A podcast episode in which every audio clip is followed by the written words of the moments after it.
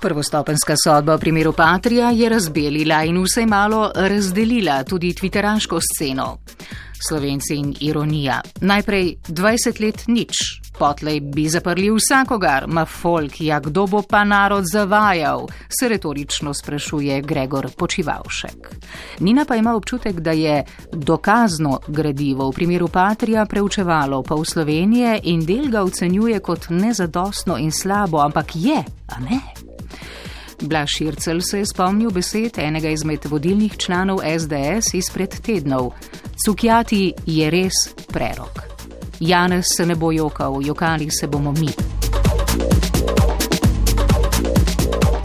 Na relativnosti preštevan uličnih ustajnikov in dežurnih pred sodiščem je opomnil Vorenc Vogel, ko 20 tisoč ljudi zahteva tvoj odstop, je to zanemrljiv odstotek prebivalstva. Ko jih 500 kriči pred sodiščem, je to velika podpora.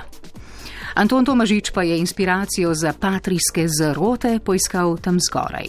Je Jezus komu kaj slabega naredil? Je veliko dobrega za druge delal? So imeli proti njemu kakšne dokaze? So ga po nedolžnem obsodili? Polarizacijo mnenje miril Safet Alibek. V isto kategorijo tlačim tiste, ki branijo Ivana, ne glede na vse, in tiste, ki branijo Zokija, ne glede na vse. Matjaš Germ že napoveduje končni epilog afere Patria. Janša bo zaporno kazen prijazno odstopil svojim umetniškim soimenjakom. Klemen Balanč pa se ne boji za Janševo usodo, vsega bo Borod Pahor pomilostil.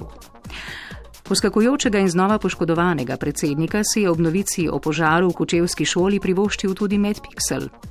Pahor si je ogledal pogorišče šole ali nesreča nikoli ne pride sama.